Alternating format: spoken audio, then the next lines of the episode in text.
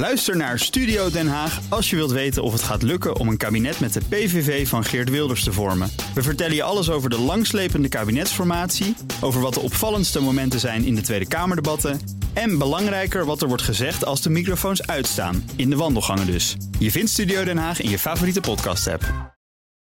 Crypto-update. En ja, je weet dat het donderdag is en er staat Herbert Blankenstein al te trappelen. Hij is presentator van BNR's CryptoCast. En maakt ons programma over bitcoin en andere digitale coins. Herbert, goedemorgen. Hoi, Bas. Nou, mooie koersprong voor zo'n zo'n beetje alle crypto's... na het rentebesluit van de Fed van gisteren. We zagen het een, ja, lekker opvieren, hè? Sluit mooi aan op het verhaal van Han de Jong. Ja, die rente, Ja. eh, half procent extra was ingeprijsd. De angst voor iets meer eh, eigenlijk ook wel. Dus ook de bitcoin begon te klimmen... vergeleken met eh, S&P eigenlijk nog vrij bescheiden, procentje of vier.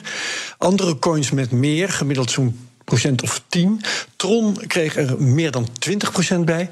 Nou, dus het ziet er goed uit. De bitcoin staat nu op eh, 39.500 en de ether op zo'n 2930 dollar. Ja. Nou, dan gaan we even naar superinvesteerder Warren Buffett. Now, if you told me you owned all of the Bitcoin in the world and you offered it to me for $25, I wouldn't take it because what would I do with it? Um, I have to sell it back to you one way or another. I mean, they have the same people, but it isn't going to do anything. Oké, dus eh, ik begrijp dat Warren Buffett biedt 25 dollar voor alle bitcoins. Ja, alle- allemaal bij elkaar. Hè. En dat vindt hij te veel ook nog, hè, Van eigenlijk. Ja. 800 eh, miljard of zoiets dergelijks. Ja. Ja, eh, het is- was te verwachten. Hij heeft wel eens gezegd: Bitcoin is rattengif in het kwadraat. Mhm. En eh, zijn zakelijke verhaal, wat hierop aansluit, is: het produceert niks. Hè. Er komt geen huuropbrengst uit, er komt geen dividend uit. Dus als traditionele belegger kan hij daar niks mee. Nou ja, ehm, daar is eh, verveeld op gereageerd, mag ik wel zeggen. Ja. Eh, Bitcoiners zeggen: ja, wat, wat moeten we met die man? We hebben hem helemaal niet nodig. We hebben ook geen last van hem. En de baas van de exchange Binance, die heet Changpeng Zhao, die zei: we gaan geen energie verspillen aan het bewerken van mensen als Buffett. Laten we maar mensen onderwijzen over crypto die het wel nodig hebben. En er waren er ook nog wel interessant. Die wezen er fijntjes op dat, ja, of Buffett het weet, eh, dat, eh, dat kunnen we niet aan hem zien. Maar hij is wel degelijk, zoals dat heet, blootgesteld aan crypto. Want hij heeft investeringen in Nubank, dat is een bitcoin-vriendelijke bank. Hij heeft SBI Holdings, dat is mede-eigenaar van Ripple.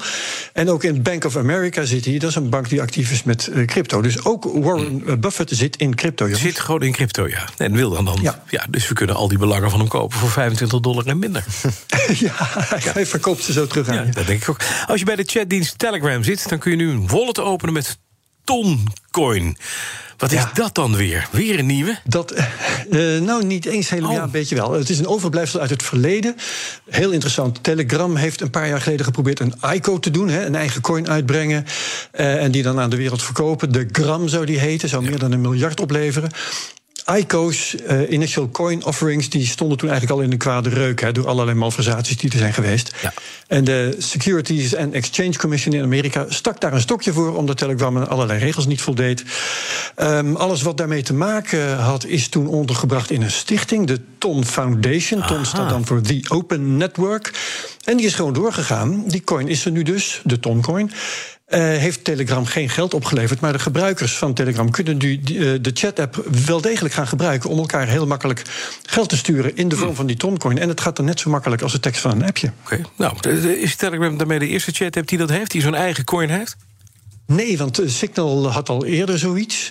Ehm, in mijn Signal zit, zit de- die wallet, daar zit dan mobile coin in. Dat moet je wel eerst zelf kopen natuurlijk, is best ingewikkeld. Maar het is een coin met extra privacy-eigenschappen, dat past bij Signal. Toncoin heeft dat niet, maar is, eh, zoals ze het zelf uitleggen, wel snel, goedkoop en milieuvriendelijk. Nou, ik denk dat er nu aan de andere kant in Miami van de plas iemand zit die denkt: de Supertrump coin, die moet er maar eens komen.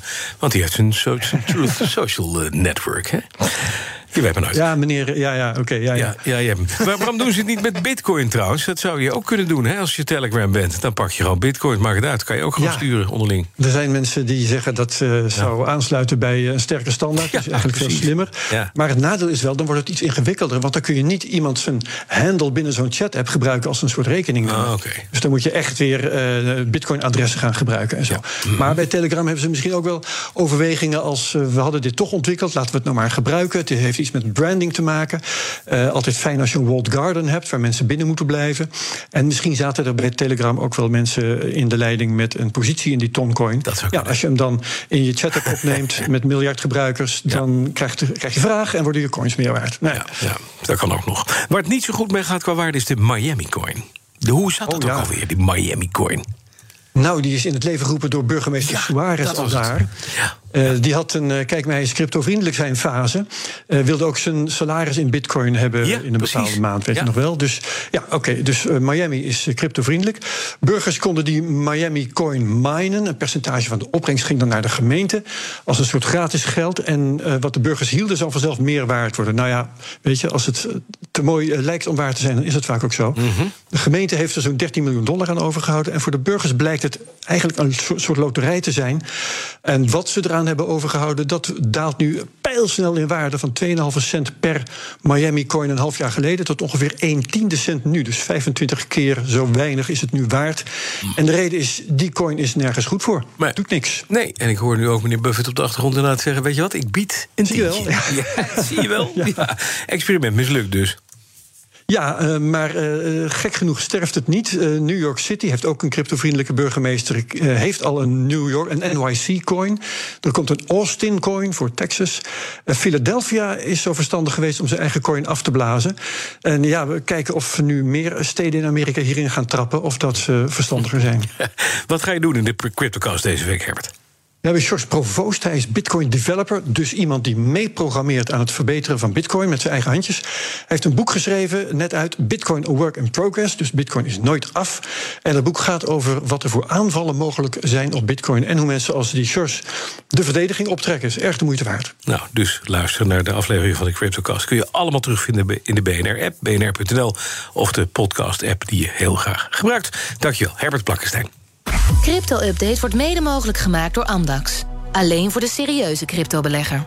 De ook Liesbeth Staats vind je in de BNR-app. Ja, heel handig. Luister live naar Kees en mij tijdens de Daily Move. Dan blijf je ook gelijk op de hoogte van breaking news en het laatste zakelijke nieuws. En daar vind je ook alle BNR-podcasts, waaronder de Perestrooikast. Download nu de gratis BNR-app en blijf scherp.